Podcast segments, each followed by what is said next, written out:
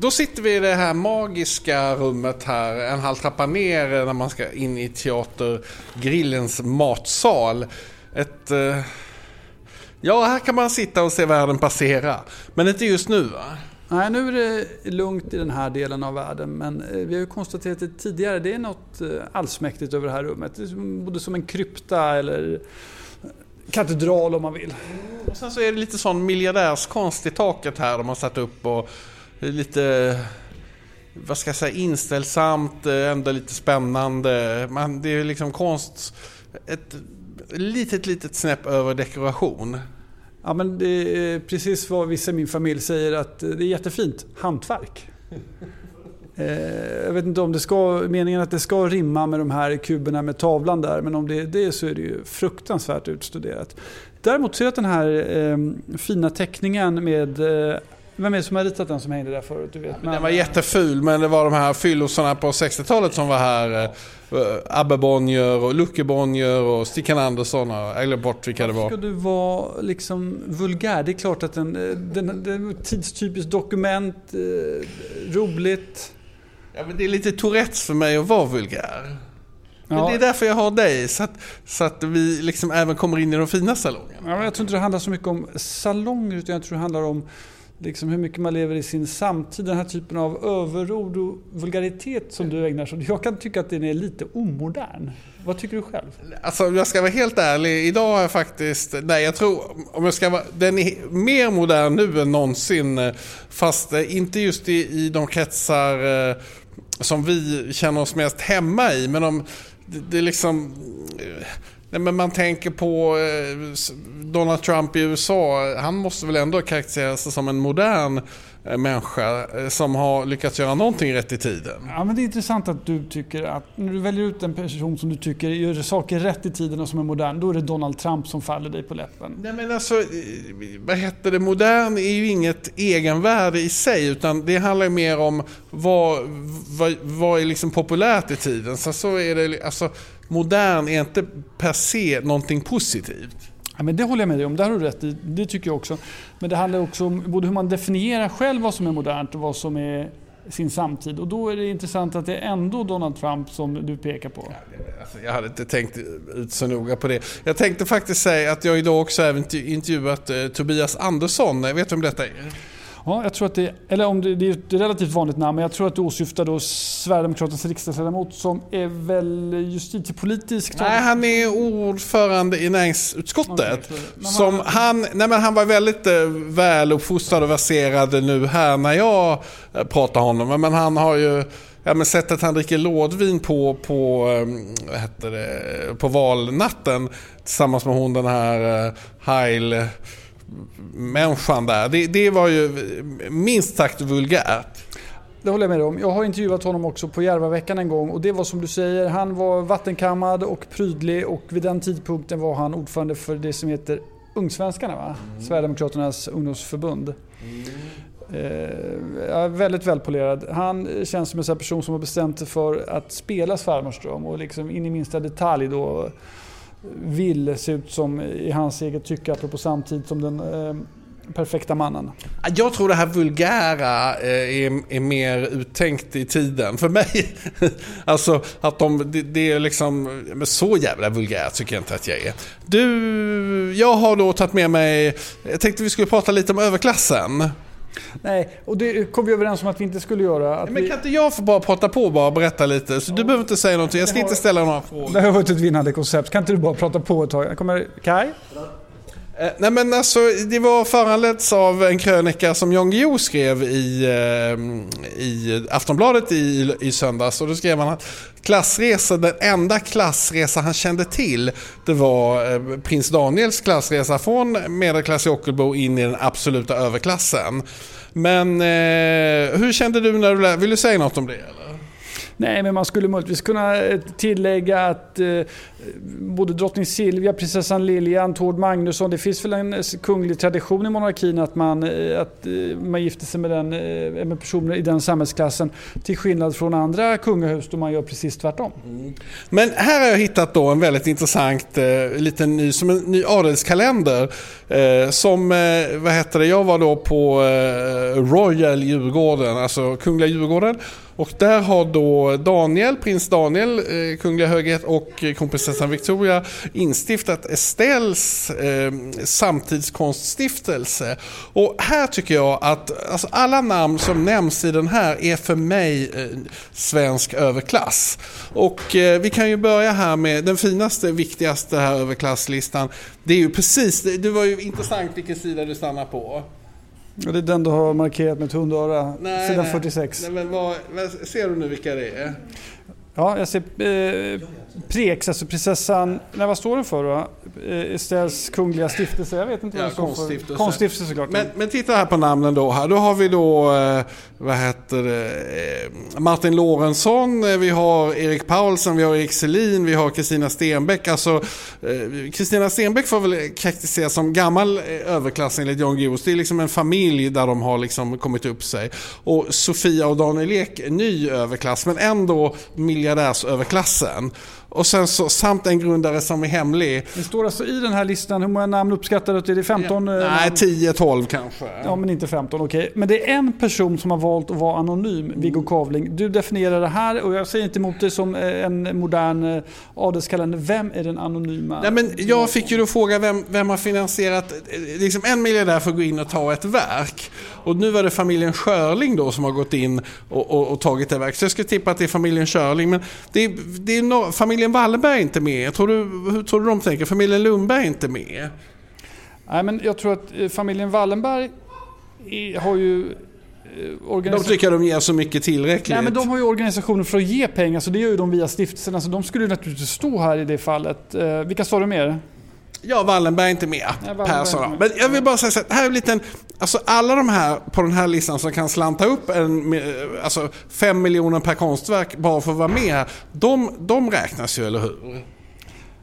Det måste väl vara överklass de här? Ja, men hälften av de här personerna är riskkapitalister. Är spe, spe, jo men absolut, absolut. Man, undrar, man vill, skulle ju vara med på de här mötena då. Cocktailparty hemma i Haga då. Det finns ett namn som jag och du också undrar vad det är här. Det är Bonnier? Nej, Bonnier är där. Anna Johanna och Sam Bonnier står på andra raden.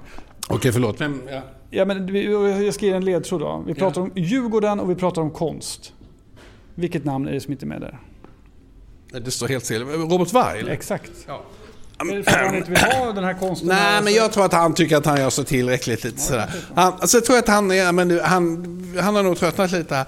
Sen har vi liksom... Eh, sen har vi då, eh, eh, det finns då en, en, en, rådgivande grupp, lite olika människor som tycker till om uh, vilka konstnärer som ska väljas ut och sen så är det en liten styrelse. Men sen på slutet är det också spännande för att då är det liksom vilka är de finaste skådespelarna i landet? Ja men Pernilla August hon ska få vara med och Johannes Bah Kuhnke och Lena Endre och sen så någon som jag inte riktigt vet om det är. Alltså, hela den här, alla de här i den här är för mig överklass tycker jag. Eh, ja. och, och, sen så då att Charlotte Gyllenhammar, hon är ju också överklass i en fin familj. Det är liksom, här har vi adelskalendern, den, den moderna. Jag tror det var tanken från början. Nej, jag tycker att du har uh, tänkt helt fel faktiskt i vanlig ordning också. Dels för att det här är... Uh, det som är sorgligt är att vi inte ägnar oss åt den här konsten utan du pratar om donatorerna istället. Jo, men jag, alltså, jag kan säga något om konsten också. Jag kan säga någonting om konsten. Jag tycker att den här stiftelsen och det måste jag säga med all respekt eftersom det är så många namn som jag både högaktar och känner som här. Så tycker jag att den är relativt eh, jag tycker att den är relativt ängslig. Jag tycker inte det har funnits något hittills som har stuckit ut eller varit spännande. Och det kanske är så att den här kopplingen med en kunglig stiftelse gör att man inte riktigt vågar hitta de här verken. Kommer du ihåg Viggo för... Ja, men det är ju det som är grejen.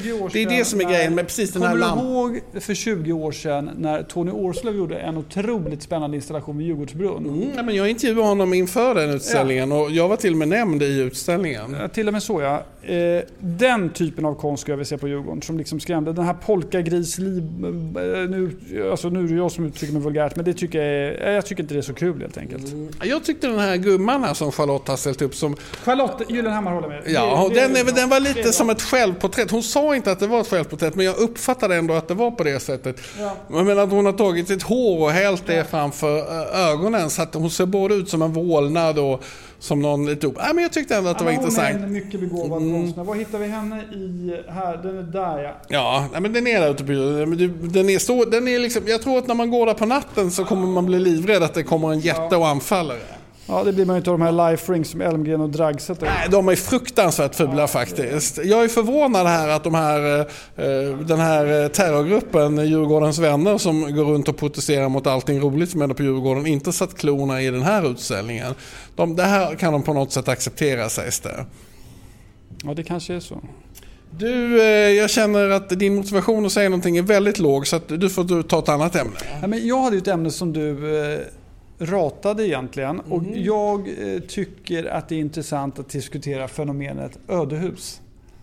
Ett ämne som du inte är så intresserad av. Men får jag på 30 sekunder lägga ut texten då? Absolut, det absolut. finns ju en väldigt stor grupp ledd av handelsprofessorn Jan och tillika politikern Jan Jörnmark om, som handlar om fascinationen av ödehus och ödeplatser. Alltså, som vittnar om hur samhället förändrats och vad vi lämnat kvar i form av byggnader och infrastruktur och så vidare.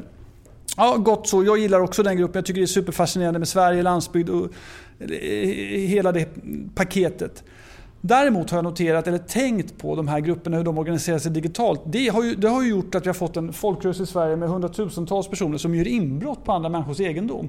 Går in och tar bilder på hur det ser ut i människors garderober. Någon äger fortfarande de här husen, hur det ser ut i deras kök. De kan visa bokhyllor och så vidare. De kan hitta på historier om husen. Eh, det enda de är väldigt noga med det är att inte berätta vart huset ligger. Det är någon form av hederskodex. Men i övrigt så har vi fått en eh, folkgrupp, eh, eller samhällsgrupp i Sverige som är skärningen bibliotekarier, eh, vandringskängor och, vilket de inte riktigt fattar, inbrottstjuvar. Nej, det här är ju ett skop ju. Vårt första skop kanske. Vad, vad tycker du vi ska göra åt det då? Nu kollar han sin telefon nämligen, varför han inte svarar. Det kommer säkert någon viktig människa. Alltså du är så fånig, vet om det. Men jag tror, att, jag tror inte de här personerna, det här är som vanligt, jag tror inte människor tänker på det här. Men fenomenet i sig innebär ju då att man tänker att det här är allemansrätten, nu går jag över ett staket, nu öppnar jag en dörr, nu går jag in i någon människas hus. Eh, jag berättar inte vart det är och därför är det okej. Okay. Där ligger ju liksom problematiken. Människor slutar ju alltid tänka själva utan nej, så här får jag göra och jag tar med mig en liten minnessak eller... Men... Detta pågår alltså en bit från Stureplan eller?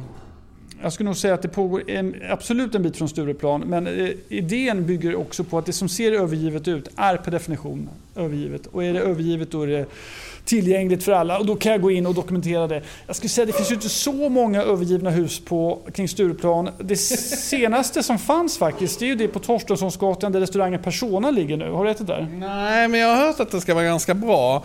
Men eh, ganska dyrt också. Ja, jag tyckte det var eh, värdelöst faktiskt. Eh, däremot huset då var intressant för det var tidigare ett övergivet hus som ägdes av någon privatperson som min uppfattning då gick bort och det såldes sen. Mm. Och det har varit, man har sett utanpå att det håller på att falla ihop och det verkar inte ha bott någon där och så vidare. Så det har nog funnits sådana liksom, reservat. Sagerska huset var ett sånt hus också Exakt. länge faktiskt. Vilket av dem? Bägge två? Jag visste bara inte att det, jag tror min bild att det bara är ett hus, men är det två? Eller? Ja, det fanns två och det ena låg i, på Hamngatan där PK-huset ligger nu. Där låg det ett Sagerska huset också. Men du har rätt i det, jag har en jättefin bok. Även nu, du kan gå förbi här Kaj här. Vi är så glada att se en snygg man. Uh, han, Tre kanske du skulle sagt. Ja. Eh, ja, men Sagerska, per Westberg har skrivit en skitintressant bok om Sagerska och hur det var. Det är verkligen ett, ett en med fru Sager, vad heter hon i förnamn? Inte Lilja?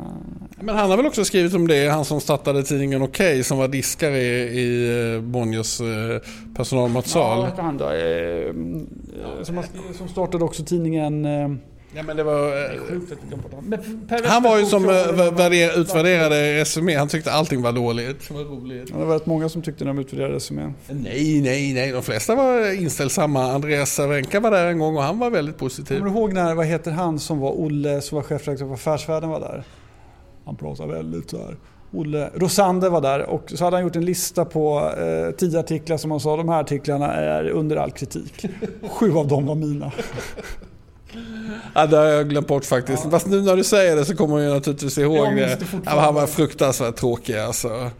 Sådana människor borde knappt få lov att uttala sig. Du, eh, ja men vad är konklusionen här med Ödehuset då? Jag tror som sagt att vi, det finns en folkrörelse som är omedveten, omedveten över sin egen kriminalitet.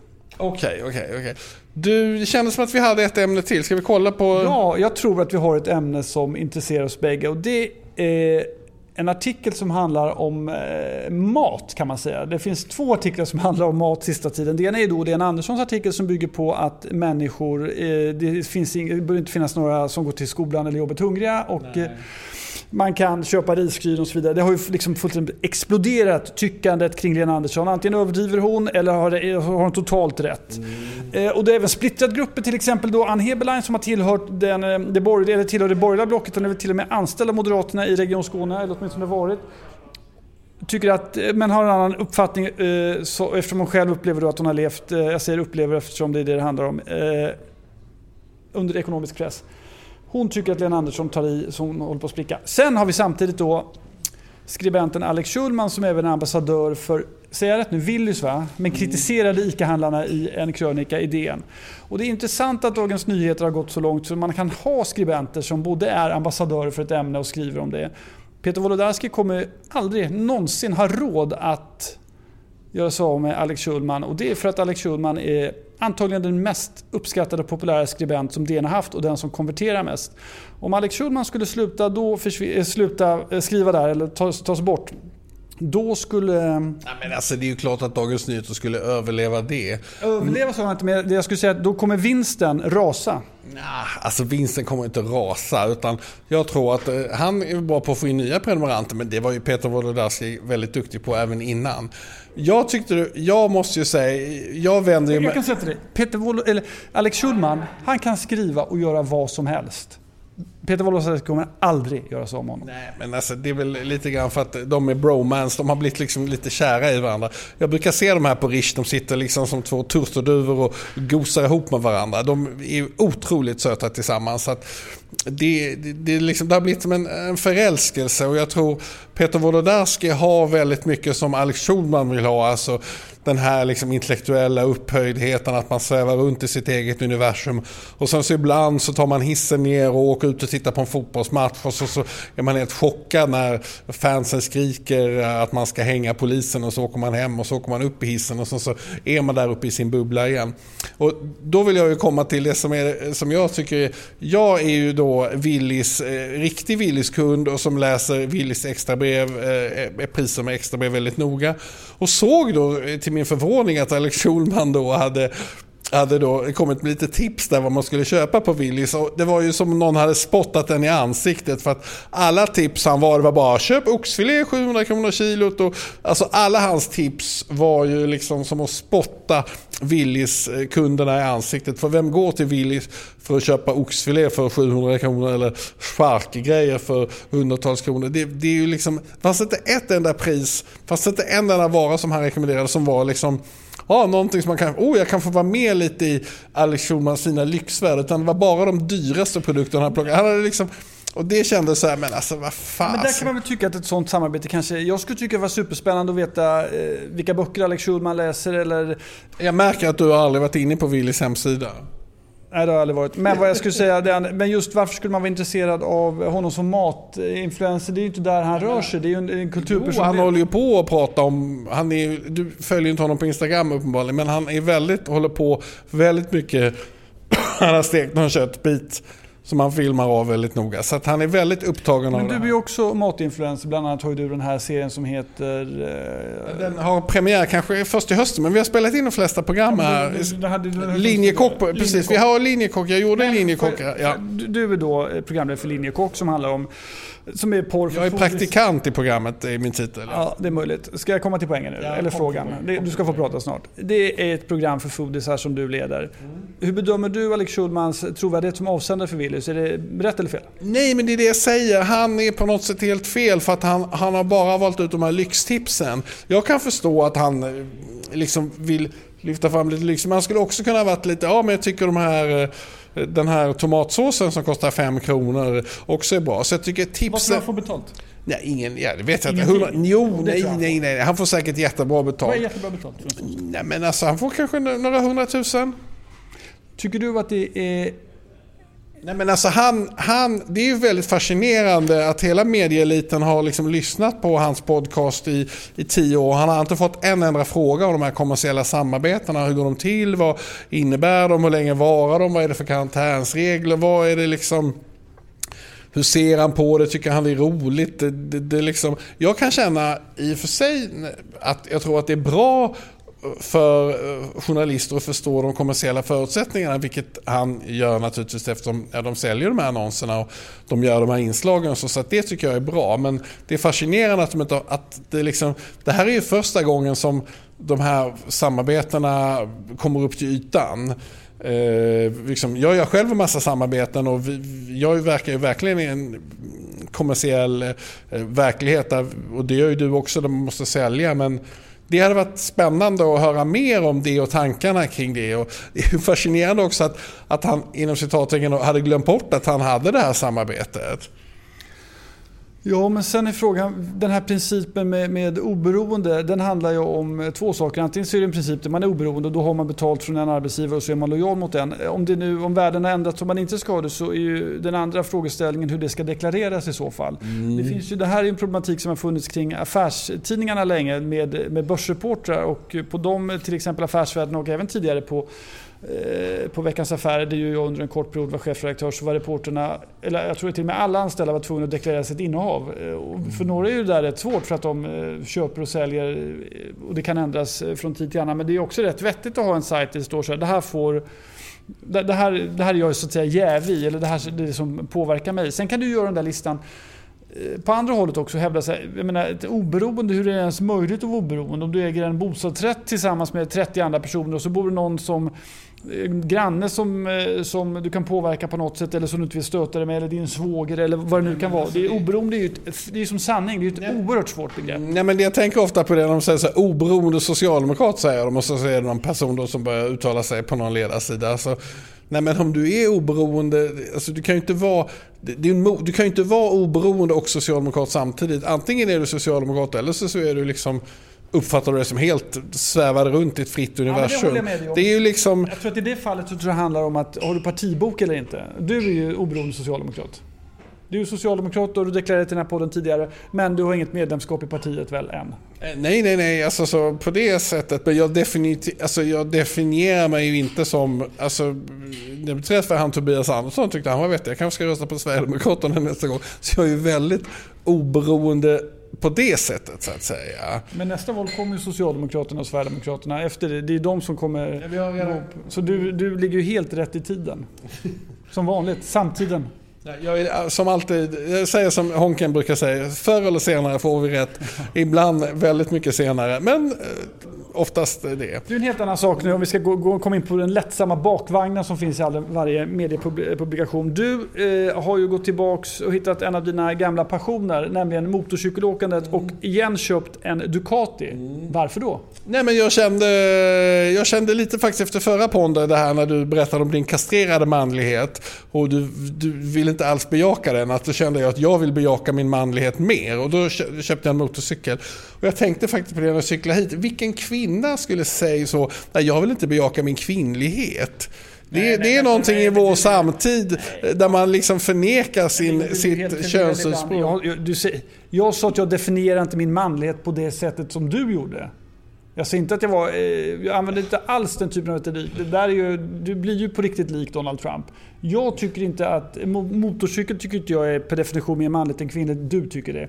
Jag säger att jag är totalt dålig på praktiska grejer men jag definierar nödvändigtvis inte det som manligt. Okej, okej, okej. Ja, men- Berätta nu om ditt åkande istället. Nej, men det är, den, den är lite känslig motorcykeln. Den är lite svårstartad. Men, eh, men eh, jag... Eh, Eh, Har du fler hästar än den förra? En starkare? den har ungefär 100 hästar så den är väldigt stark och kan gå väldigt snabbt. Jag glömmer aldrig det ögonblicket i vårt tidigare liv när du var chefredaktör på Resumé och jag var reporter och det ringde från någon tidning och berättade att du hade varit med i en motorcykelolycka på Södermalm. Kommer du ihåg det? Varför tar du upp det nu? Ja, men för att det kommer ju hända igen, höll jag på att säga. Och jag blev jätterädd och alla blev jätterädda och sen så var det, var det inte så jättefarligt va? Det Nej, blev nej, nej, nej, bakifrån, nej, jag- Men det blev någon rubrik. Och, Ja, eh, Det var Jonas Lejonhufvud som gjorde artikeln faktiskt. vad kallade du honom för? Jonas Lejonskalle. Nej, Joe Lionhead var hans smeknamn. Joe Lionel. Du, har vi några lyssnarredaktioner här avslut? Jag kan berätta då att eh, vi har en lyssnare i Sydafrika eh, som är eh, en jätte, jag är jätteglad att han har börjat lyssna. Han har, eh, han har världens snyggaste Ferrari också så att eh, jag har inte fått åka i den än men jag tänker det ser jag fram emot här. Eh, Men han lyssnade och tyckte speciellt det här med manlighet var bra då, så var därför jag tog upp det. Har du någon som du... Ja, har du någon lyssnarreaktion? Ja, men, eh, Expressens tidigare kulturchef Karin Olsson har uttryckt någon form av eh, Ja, enkel... men vi har blivit, sitt- vi har blivit omsk... Vad heter det? Första gången någon har skrivit om podden, då Magnus Alselin tog ju upp våra spekulationer här om eh, Stefan Lundells miljoner. Just det, bra. Det är första gången som vi får uppmärksamhet. Jag har förresten kommit på hur vi ska få riktig uppmärksamhet. Jag vill bara säga en sak. Vi har fått en, eh, nå- eh, det är väl kanske inte helt bokstavligt, men ändå en, eh, vår första fanclub. Och det är eh, den forna recensenten Kerstin Hallett som eh, från Paris skriver lysande Your Paris fanclub. Kerstin Hallett, minns du henne? Absolut, absolut. En Underbar ikon. människa. En ikon. Men du, jag har kommit på vad vi ska göra nu för att eh, få mer uppmärksamhet. Och vet du vad som knepet är för alla andra poddar? Jag vill inte ha någon uppmärksamhet kring det här. Men säg då. Okej, okej. Men då ska man titta väldigt mycket på TV4 och så ska man prata om vad som händer i TV4 och Steffo och sånt där. Och då blir de på TV4 blir de helt galna och börjar prata jättemycket om podden. Och sen så är alla de med i podden hela tiden. Det är liksom... Det, det är framgångsreceptet. Men, men vi, vi, du har väl aldrig tittat på TV4, eller hur? Jag är ju medverkar i TV4 var annan eller var tredje fredag i nyhetspanelen. Nästan alltid med Steffo. Men du har nog rätt i den typen av eh, förhållningssätt till något annat media för att bygga trafik. Eh, Jag vet, sen vet jag inte om TV4s... Eh, eh, vad heter jag Men jag tror de, TV4 blir liksom kollriga så fort Alex och Sigge säger något om, om TV4 och något. De har liksom... Ja, nej men TV4 är liksom nyckeln. Och, den har, och det, det, TV4 har liksom lyckats behålla, eh, vad ska jag säga, ett mainstream-grepp som är väldigt intressant. Däremot, eh, och där är ju SVT liksom långt efter. De svävar runt i något konstigt Apropå, Vi universum. pratade om oberoendet och så vidare. Så tycker jag där är ju Steffo ett lysande exempel på någon som vågar ha lite åsikter som kan lägga in, utan att driva någon egen agenda, men kan lägga in lite perspektiv som inte är så jävla slätstruken i, i allt han gör eller frågar någon. Där tycker jag ibland SVT får rycka upp sig lite grann. Alltså, i min familj så finns det en person som ser på Steffo som ett rött skynke. Eh, Just därför att han liksom hela tiden ska framhäva och lägga i och hålla på. Är det din svärmor igen? Jag, jag kan inte avslöja vem i min familj det är men, eh, men eh, jag tror ju den här självgodheten som Steffo bär på, den är, jag älskar ju den. Alltså jag tycker den är helt underbar. Men den, eh, den, den väcker också mycket, eh, mycket frustration hos många. Du tror också, men om, om, du, om du arbetar som typ TV4 gör med radarpar, då ska det ju finnas en polarisering som man känner. Nu är det Steffo, då pratar han till då, jag gissar att det inte är du, eller du säger att det inte är du, så det är säkert Anna eller hennes mamma då som, som inte gillar Steffo. Äh, men då har de, vilken den kvinnliga sidekicken än må vara, då är det någon av dem som, eh, eller manliga kanske, om de sitter två killar någon gång, som eh, tar den rösten. Där tycker jag det blir spännande, att det ska vara polariserat. Där är ju du och jag tydliga. Du tillhör ju så att säga Trump, Trump och jag är lite mjukare. Du, nu är du väldigt nöjd här så det är tid att sluta. Ja, vi gör det.